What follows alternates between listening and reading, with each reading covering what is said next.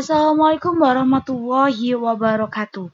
Halo teman-teman, selamat malam dan bagaimana kabar kalian? Apakah sehat? Oke, bertemu lagi bersama saya di podcast Dwi Nur Ainia. Nah, malam ini saya akan menemani waktu malam kalian yang semoga bermanfaat dan berfaedah ya bisa mendengarkan podcast pada malam hari ini. Nah, podcast pada malam hari ini kita akan membahas dan memilih tentang warna.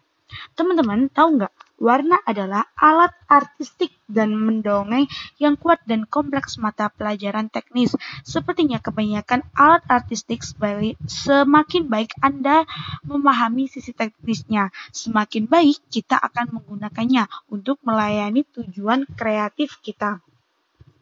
Warna teman-teman itu penting untuk tidak pernah melupakannya. Faktanya bahwa semuanya bermuara pada persepsi manusia, mata atau otaknya. Apa yang bisa kita lakukan? Warna panggilan lebih tepat disebut rona.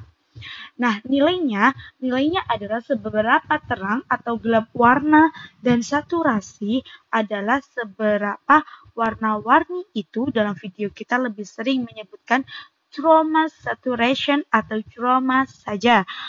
Nah, warna itu mempunyai istilah sehari-hari bisa disebut pastel.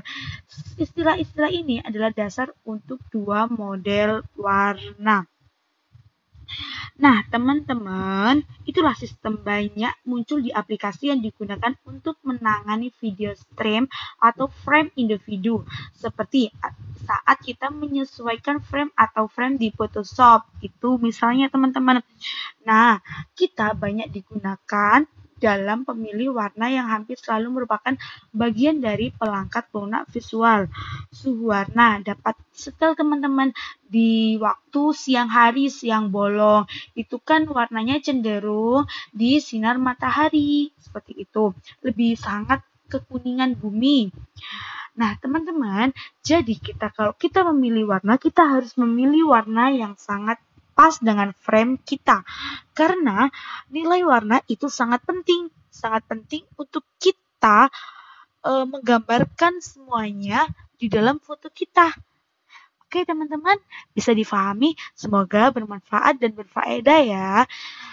Jangan lupa stay safe, stay healthy, selalu bahagia, dan jangan suka pusing. Oke, kita jalani dengan apa adanya.